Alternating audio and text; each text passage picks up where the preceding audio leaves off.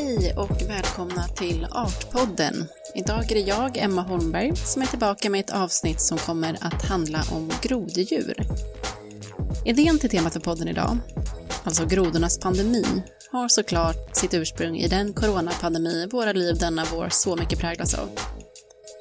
Över hela världen har diverse olika restriktioner införts för att begränsa spridningen av covid-19 och vi ombeds eller tvingas stanna hemma och tvätta våra händer till blinka lilla stjärna.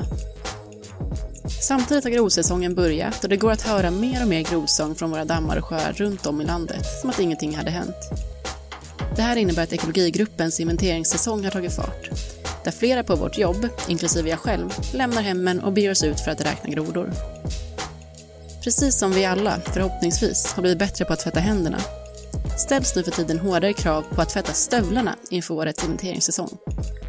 Saken är nämligen den att rena stövlar, precis som rena händer, är det främsta sättet att bidra till minskad spridning av en pandemi. Grodornas pandemi.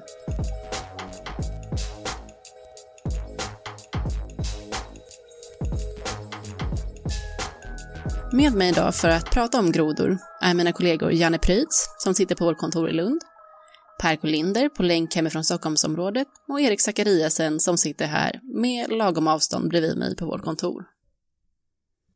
Välkomna! Tack, tack. Jag har ju samlat på mig ekologigruppens grodexperter då och jag tänkte därför börja med att låta er hjälpa mig och alla lyssnare att förstå vad som är så satans kul med just groddjur. Ja, alltså jag har ju, jag fick inte ha pälsdjur när jag var liten. Så jag fick ju leta efter mina egna husdjur. Och det blev ju grodor. Eh, och ödlor och salamandrar. De har ju en ganska speciell charm. Eh, framförallt grodor och paddor tycker jag. Eh, har ett ganska trevligt rörelsemönster och fina ögon. Eh, bra att hålla i handen, även om man kanske inte får det när man ska göra, jobba professionellt. Men det, det är fina och trevliga djur som är hanterbara. Mm. Janne då, vad tycker du? Ja, jag började i fältbiologerna och eh, vi hade sommarstuga på Österlen. Så att eh, från stugan kunde man höra lövgrodorna.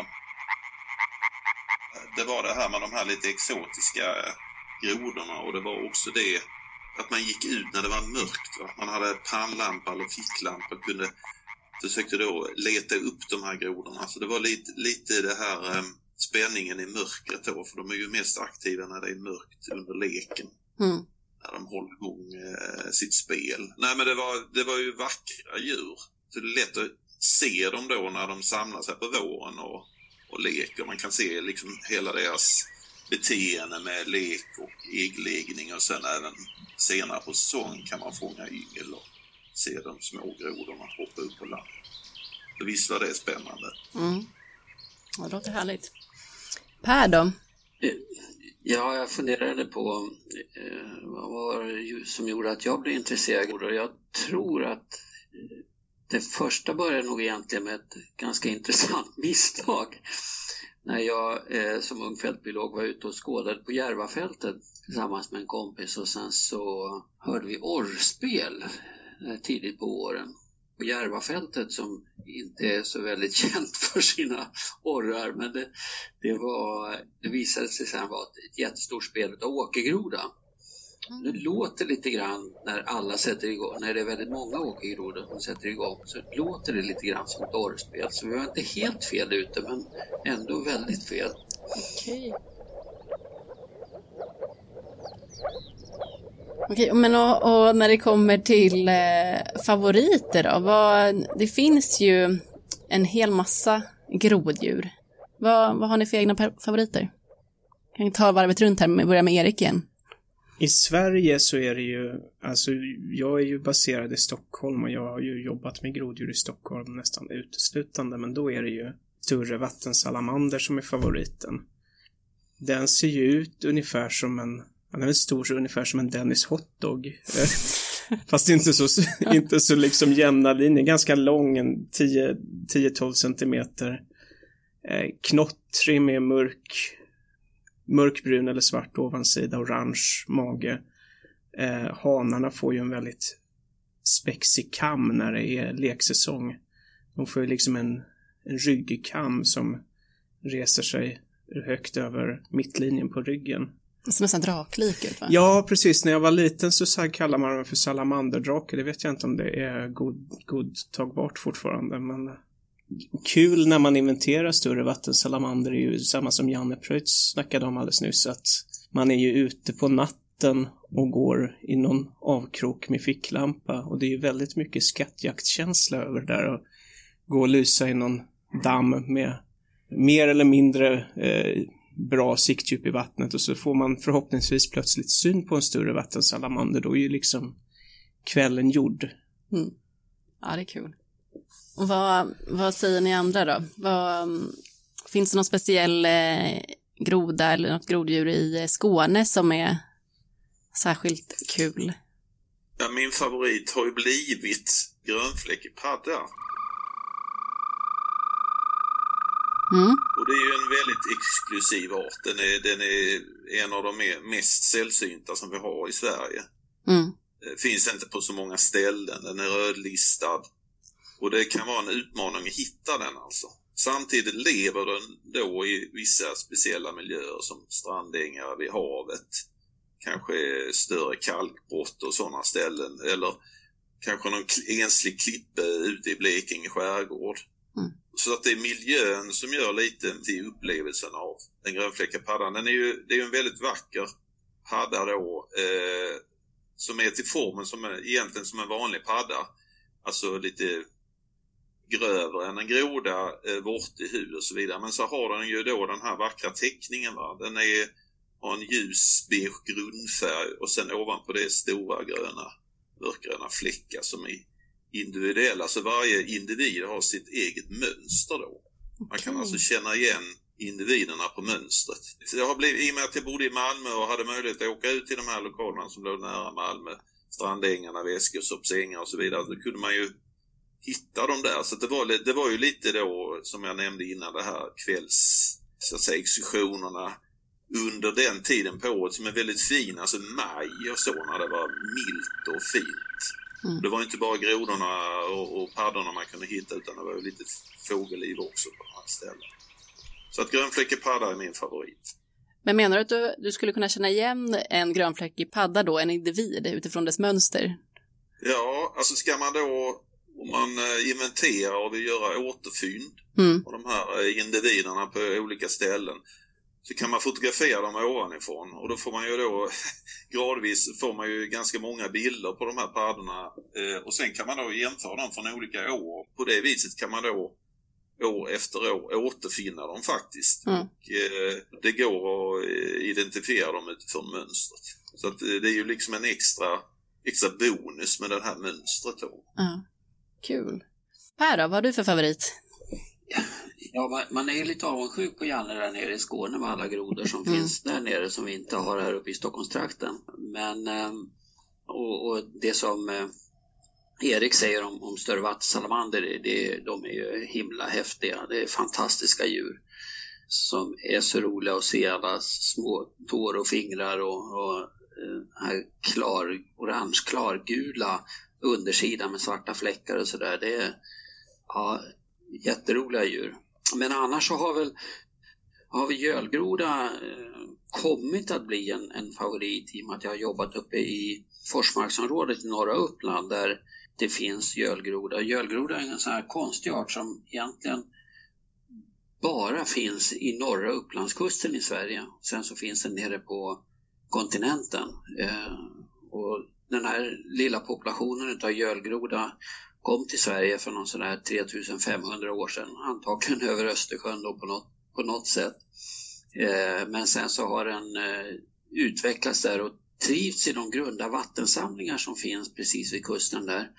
Och det är ständigt eh, nya grunda vattensamlingar när de gamla växer igen eftersom det är en ganska kraftig landhöjning i området så man får ständigt nya öppna vattensamlingar de här grodorna trivs i. Det är kalkrikt i, vattnet också så de trivs jättebra där. Och gölgrodan är lite rolig för den ser ut som en groda som, som eh, grodorna gör i Kalle Anka, gröna och, och ser väldigt grodiga ut. Så har de sådana här strupsäckar också som som de kan blåsa upp när de spelar på våren.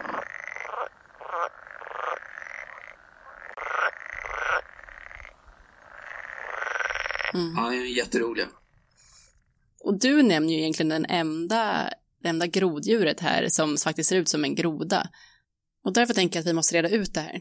Vad det är vi egentligen menar när vi använder beteckningen groddjur, eller amfibier som det också kallas.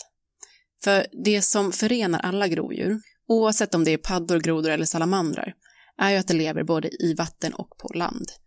Och det är också anledningen varför det har fått namnet amfibier, som kommer från det grekiska ordet amfibia och som betyder att leva på båda sidorna. Eh, de lägger ju, de lägger ju ägg i, i vatten eh, ungefär som, som fiskar gör. Så att eh, de, eh, honorna lägger äggen i vattnet, hanarna sprutar eh, mjölk över dem och så utvecklas de i vattnet och sen så har de gälar som små, de andas i vattnet medan eh, efter olika lång tid beroende på vilken art det är då, så, så knallar de upp på land och gälarna försvinner och de eh, andas med lungor istället. Det är ju liksom det som är speciellt för groddjuren. Mm. Men det är just det här eh, växelvisa livet mellan vatten då och eh, land. Det är liksom det som kännetecknar groddjuren. Mm. Sen är det ju lite, alltså, lite beroende på vilken art det är, vilken typ av vatten de väljer dels. Och det gäller även land. Vissa arter vill ha mer fukt på land. De salamandrarna kanske de är ganska beroende av att, att leva i skuggiga, fuktiga miljöer medan då till exempel paddorna klarar av lite torrare miljöer. Var och en art har liksom sina egna miljökrav. Mm. Men eh, gemensamma faktorn är att de måste ner under våren då för fortplantningen i vatten. Så det som händer nu under våren är alltså att groddjuren beger sig från land ner till olika vattendrag för att para sig och lägga om. Det vi då kan höra under den här tiden är hangrodor och hanpaddor som samlas kring olika vatten och försöker locka till sig honor genom sin sång, sitt spel. Varje art har sitt speciella läte.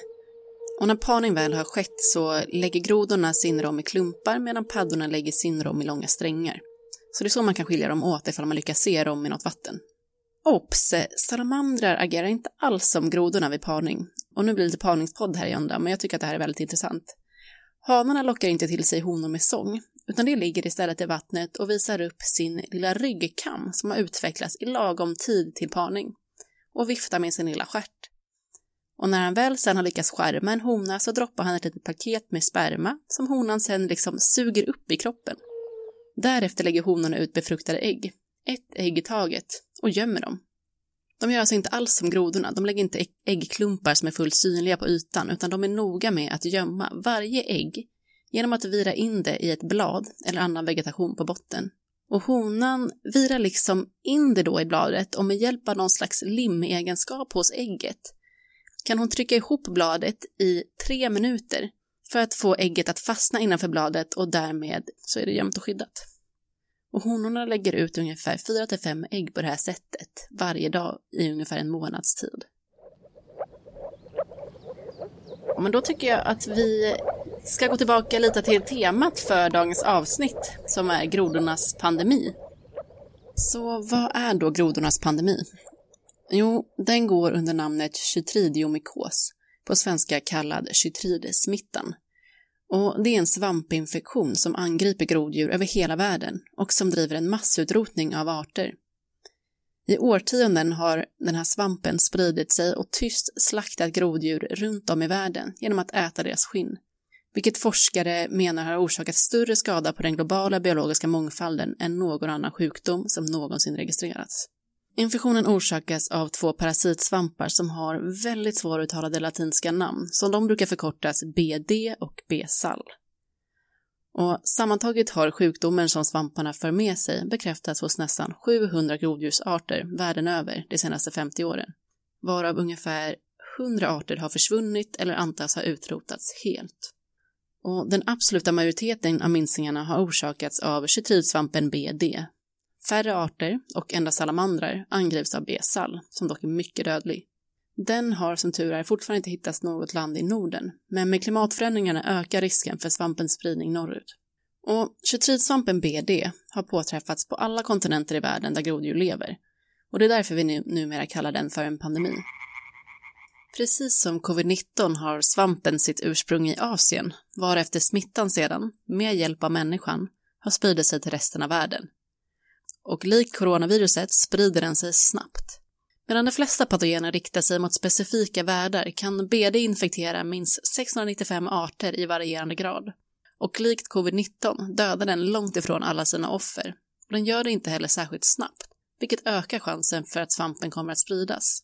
De arter som inte dödas av svampen kan fungera som reservoarer och sprida svampen vidare. Och inte nog med det. De här svamparna kan spridas genom beröring, men också med vatten. Det kan simma mellan olika groddjur. Och om förhållandena är rätt kan svampen leva utanför sin värld i veckor upp till månader, kanske till och med år, innan den går vidare till nästa offer. Och de här egenskaperna gör att chytridsmittan BD i vissa avseenden kan sägas besitta det perfekta pandemiska receptet. Så vad gör då den här satansvampen? Jo, den släpper ut sporer som sprids antingen genom direktkontakt eller genom att simma mellan groddjur och därefter tränga in i deras hud. Om grodan insjuknar så går huden sönder och börjar flagna. Det här är särskilt trist för groddjur eftersom det faktiskt andas och reglerar sina vattennivåer med hjälp av huden. Vissa arter tål det här, men hos många andra medför svampangreppet en så pass extrem försämring av huden att det avlider.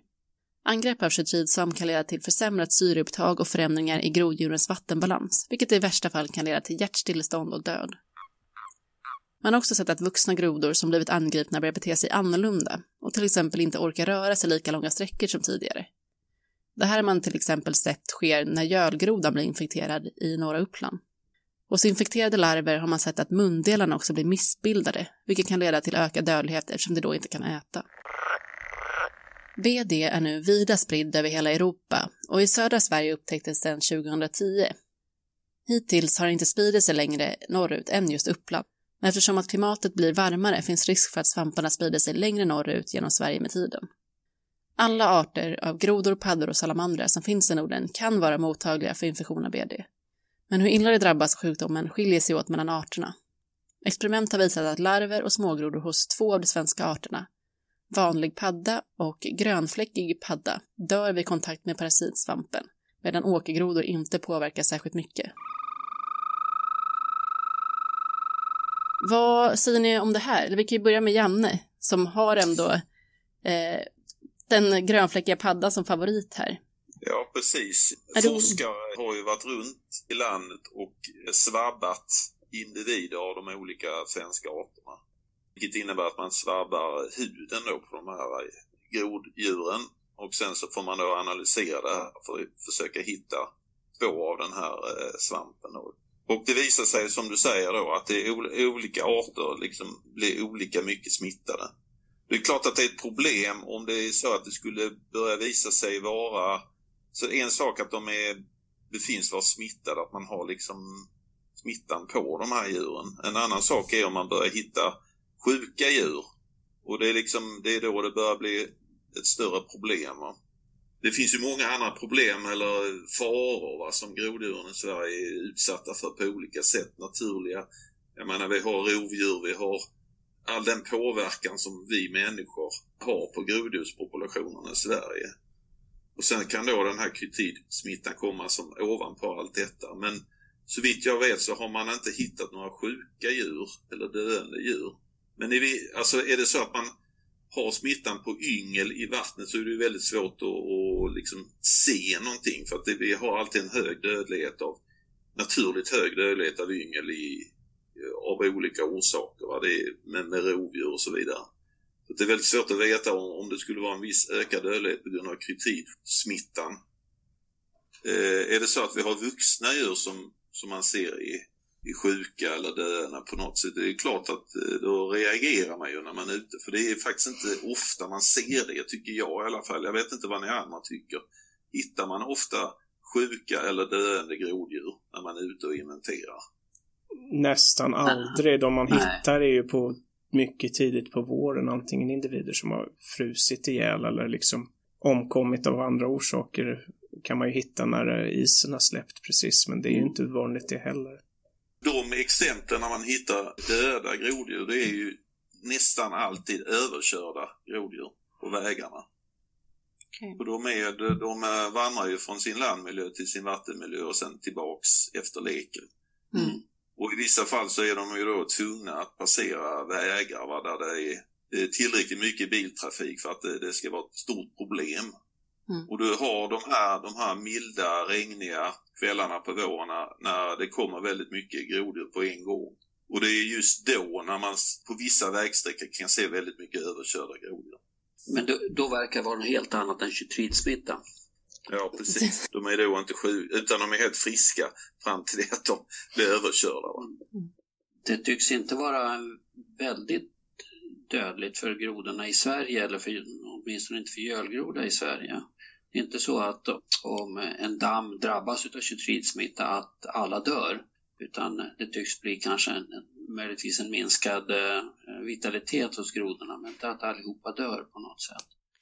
Det man såg i den studien som du nämnde Per i norra Uppland där, det var ju att eh, de chytridsmittade hade minskat sin rörlighet. Så de hade rört sig kortare sträckor jämfört med de som inte hade drabbats av smittan. Då. Och det är ju svårt att säga i det här läget när det inte gått så lång tid hur det påverkar arten långsiktigt. Det, är svårighet och eh, det var väl ganska litet tal också man hade mm. kunnat följa. Så att, jag vet inte riktigt hur stora växlar man kan dra på det heller. Men är ni oroliga för groddjuren här i Norden? Smittan kommer att spridas mer och ha mer negativa effekter på arternas fortlevnad? Svårt att säga. Smittan verkar ju vara så att den kanske påverkar en del av groddjuren mer eller mindre allvarligt. Vi har inte sett så mycket av det än, men det finns ju många andra saker som eh, är oroliga vad det gäller groddjur eh, och framförallt ökad urbanisering och omvandling av landskapet då där mycket småvatten har försvunnit och, och fortfarande försvinner som gör att groddjuren är väldigt utsatta. De, de, är inte så himla duktiga på att röra sig jämfört med andra djur så det är lätt att de blir isolerade populationer som eh, inte kan nå varandra. Nu finns det väl för all del positiva exempel i Skåne också där eh, många grodarter faktiskt har eh, ökat och det kan väl du berätta om, Janne? Ja, det är ju så att eh, de arter som tidigare var rödlistade, till exempel lövgrodan som var nere i en svacka på 80-talet av olika orsaker har eh, nu under senare decennier faktiskt ökat väldigt mycket antal. Och en del av förklaringen till detta det är ju att man har grävt ganska många dammar som passar lövgrodorna. Det är liksom lekmiljöerna, eh, vattenmiljöerna är ofta ganska avgörande för hur många grodor som kan produceras varje år, alltså i form av årsungar och så efter leken det i sin tur avgör sen hur många, hur många vuxna grodor som finns i ett område.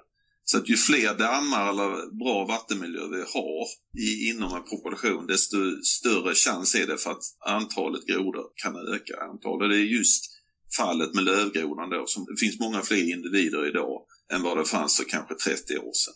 Ja, men jag tänkte vi kan väl eh, prata lite mer om det, om eh, vad man faktiskt kan göra för att hjälpa grodorna att överleva. För precis som ni säger så finns det ju fler hot mot eh, grodorna än just den här smittan, precis som att det finns fler hot mot människor idag än just hotet från covid-19. Vilka hot skulle ni säga är som mest påtagliga om vi pratar om Sverige idag?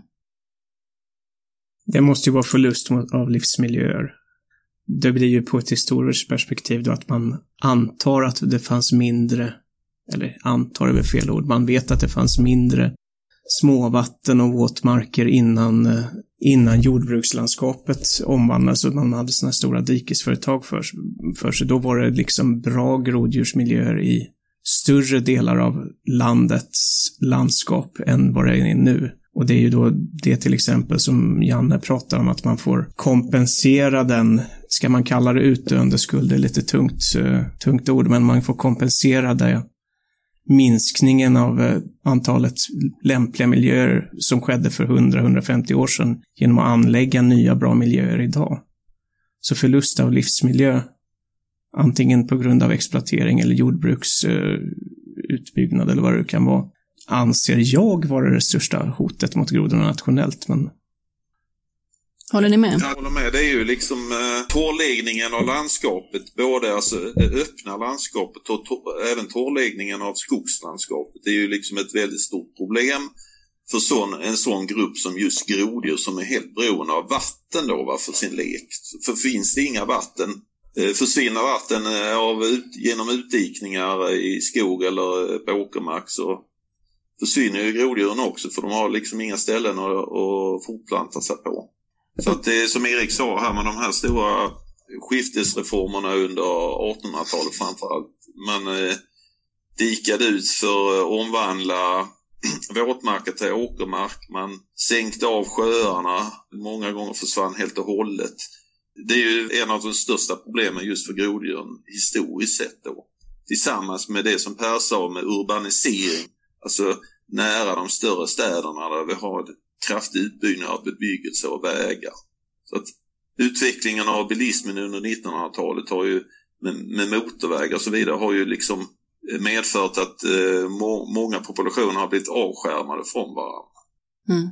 Ja, det är lite roligt. Jag mätte en gång, var ute och inventerade större vattensalamander vid just en, en gammal väg. Det var faktiskt gamla E4 när, efter det att eh, man har byggt om den och, och har blivit motorväg. Då kunde, försökte jag mäta hur lång tid tog det för en, en stressad större vattensalamander att ta sig över en vanlig landsväg. Och det tar ungefär fyra minuter för den att ta sig över. Och på den tiden hann det passera ganska många bilar. Mm. Så att chansen för en, en uh, groda eller salamander att ta sig över en vanlig väg är ganska liten faktiskt. Uh, det behövs inte särskilt många fordon för att det blir en total barriär. Mm. Så vad kan man göra åt det här då? Vad, vad gör ni själva här som anställda på ekologigruppen för att, för att hjälpa groddjuren? Det som är spännande som händer nu är ju det att de flesta eh, groddjur är skyddade enligt artskyddsförordningen, eller alla är det. Och eh, det gör att i många fall så kräver Länsstyrelsen att man gör kompensationsåtgärder om man går in och påverkar en eh, groddjursmiljö. Vilket innebär att eh, vi får gräva bra eh, grodgölar om vi skulle påverka en befintlig miljö. Eh, det här är en möjlighet att i första hand stoppa eh, minskningen av groddjur men om man gör de här bra och tillräckligt mycket så kanske vi också kan öka möjligheterna för groddjur att överleva. Det är en, det är en ganska spännande utveckling som finns nu. Att eh, helt enkelt göra nya grodmiljöer. Mm. Okay. Mm, I Skåne är det ju på två nivåer kan man säga. Dels är den här allmänna så att säga, återskapandet av, av eh, våtmarker generellt, i, framförallt i jordbrukslandskapet där vi har haft mest påverkan från utdikning då historiskt sett. Och det syftet har ju ofta varit att eh, begränsa närsalttransporten ut i havet. Va? Så att de här närsaltfällorna, det vill säga dammarna, har lagts på strategiska ställen. Men som bonus får man ju alltid in rik biologisk mångfald i de här vattenmiljöerna. Man får rastande fågel, häckande fågel.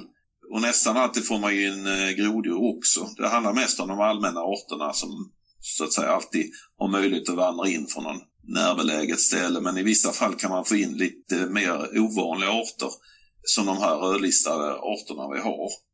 Eh, det är den ena nivån och sen den andra nivån är ju när man specifikt gör lite mer eh, designade dammar för de här mest hotade arterna och då får man lägga dem på de rätta ställena där arterna redan finns eller att man skapar nya miljöer och sen flyttar dit de här arterna på olika sätt. Så att det finns många möjligheter att göra detta. Eh, men det är ju nästan alltid då att man anlägger vatten, eh, lekvatten för de här arterna. Så att de ska kunna överleva och föröka sig på längre sikt. Mm.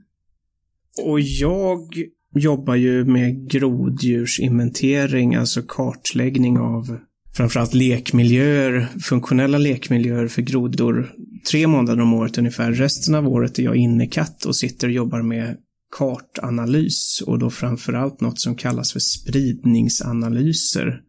Alltså där man kartlägger samband mellan olika miljöer i landskapet ur en djurarts eller en artgrupps synvinkel. Och just då för grådjur, man skapar alltså ett planeringsunderlag till exempel för en kommunal grönplan eller helt fristående för någon sorts groddjursstrategi. Och då skapar man ett underlag för att identifiera var sådana här insatser som att anlägga nya dammar eller kanske göra en barriär, en trafikerad väg, mer genomkomlig eller genomkomlig överhuvudtaget för ett groddjur genom att identifiera vilka områden där en grodtunnel under en väg eller en groddamm i landskapet skulle göra stor nytta.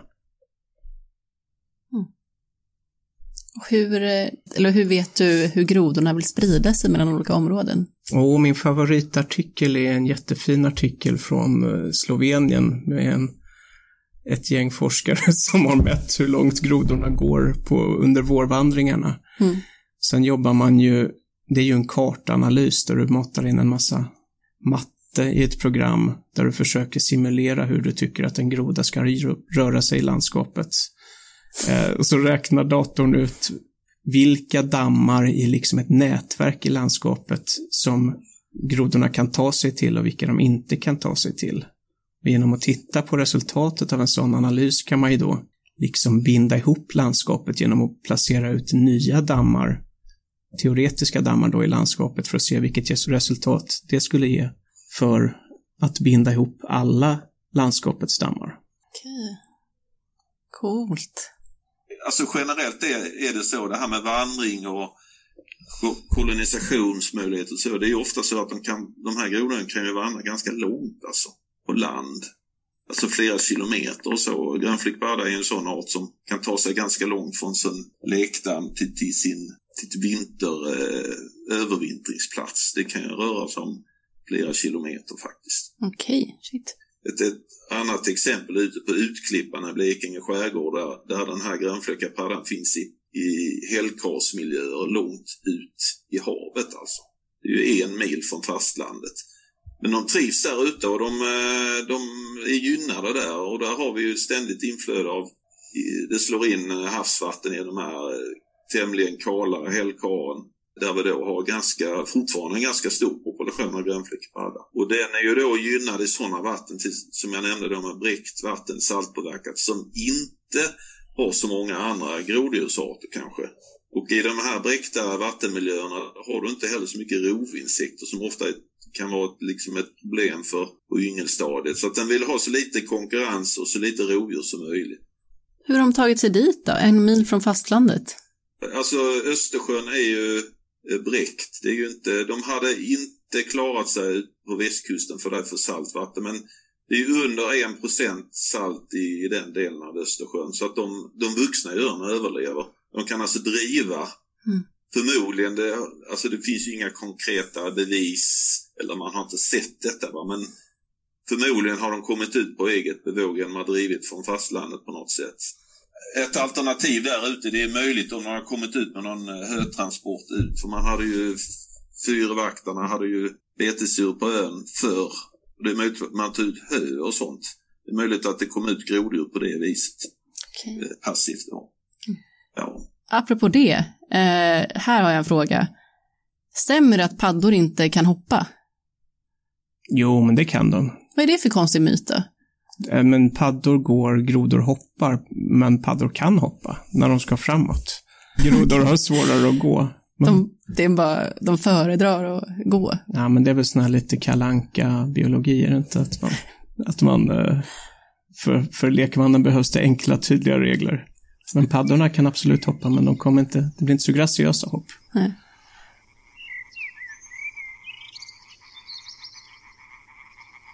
Har ni något råd till lyssnare som kanske, kanske är mer ute i naturen nu? Det är så att eh, folk som inte får resa och som är instängda hela dagarna väljer att gå ut mer i naturen. Har ni något tips till dem på hur man kan röra sig i skog och mark nu utan att skada just groddjur eller störa deras lek? Ja, man behöver ju inte nödvändigtvis gå ut i vattnet i deras dammar. Det är väl en jättebra grej. Stanna eh, bredvid dammen så får eventuella partiklar du har på dina skor eller stövlar mindre hjälp ner i vattnet. Men sen helt orelaterat till din fråga så skulle jag ju vilja eh, skicka med till lyssnarna att rapportera alla fynd av lekande groddjur som görs till Artportalen. Så man bidrar till kunskapsbilden av var i landskapet som det finns groddjur och förutsättningar för att groddjuren ska leka och föröka sig. Jag håller med om det och eh, det är ju det här gamla talesättet se men inte röra. Det gäller ju groddjuren också.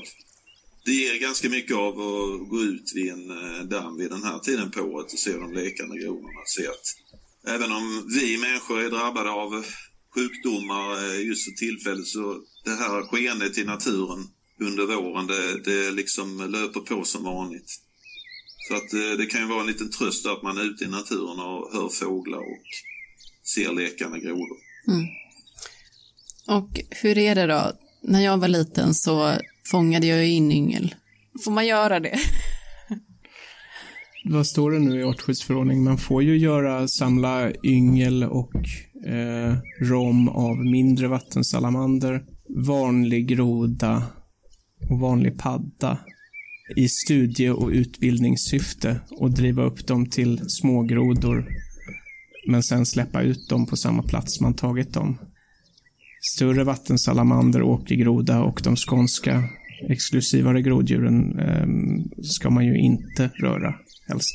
Så det gäller att ha lite koll på vad är det för yngel man ser helt enkelt? Ja, ynglen är ju svårt att se skillnad ja. på brungrodorna i alla fall, men äh, ja.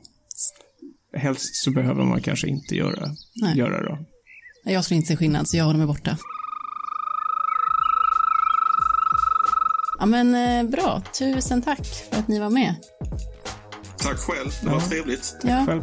Ja, men... Ha det gott allihopa. Detsamma. Hej. Hej då. Mm, hej. Hej.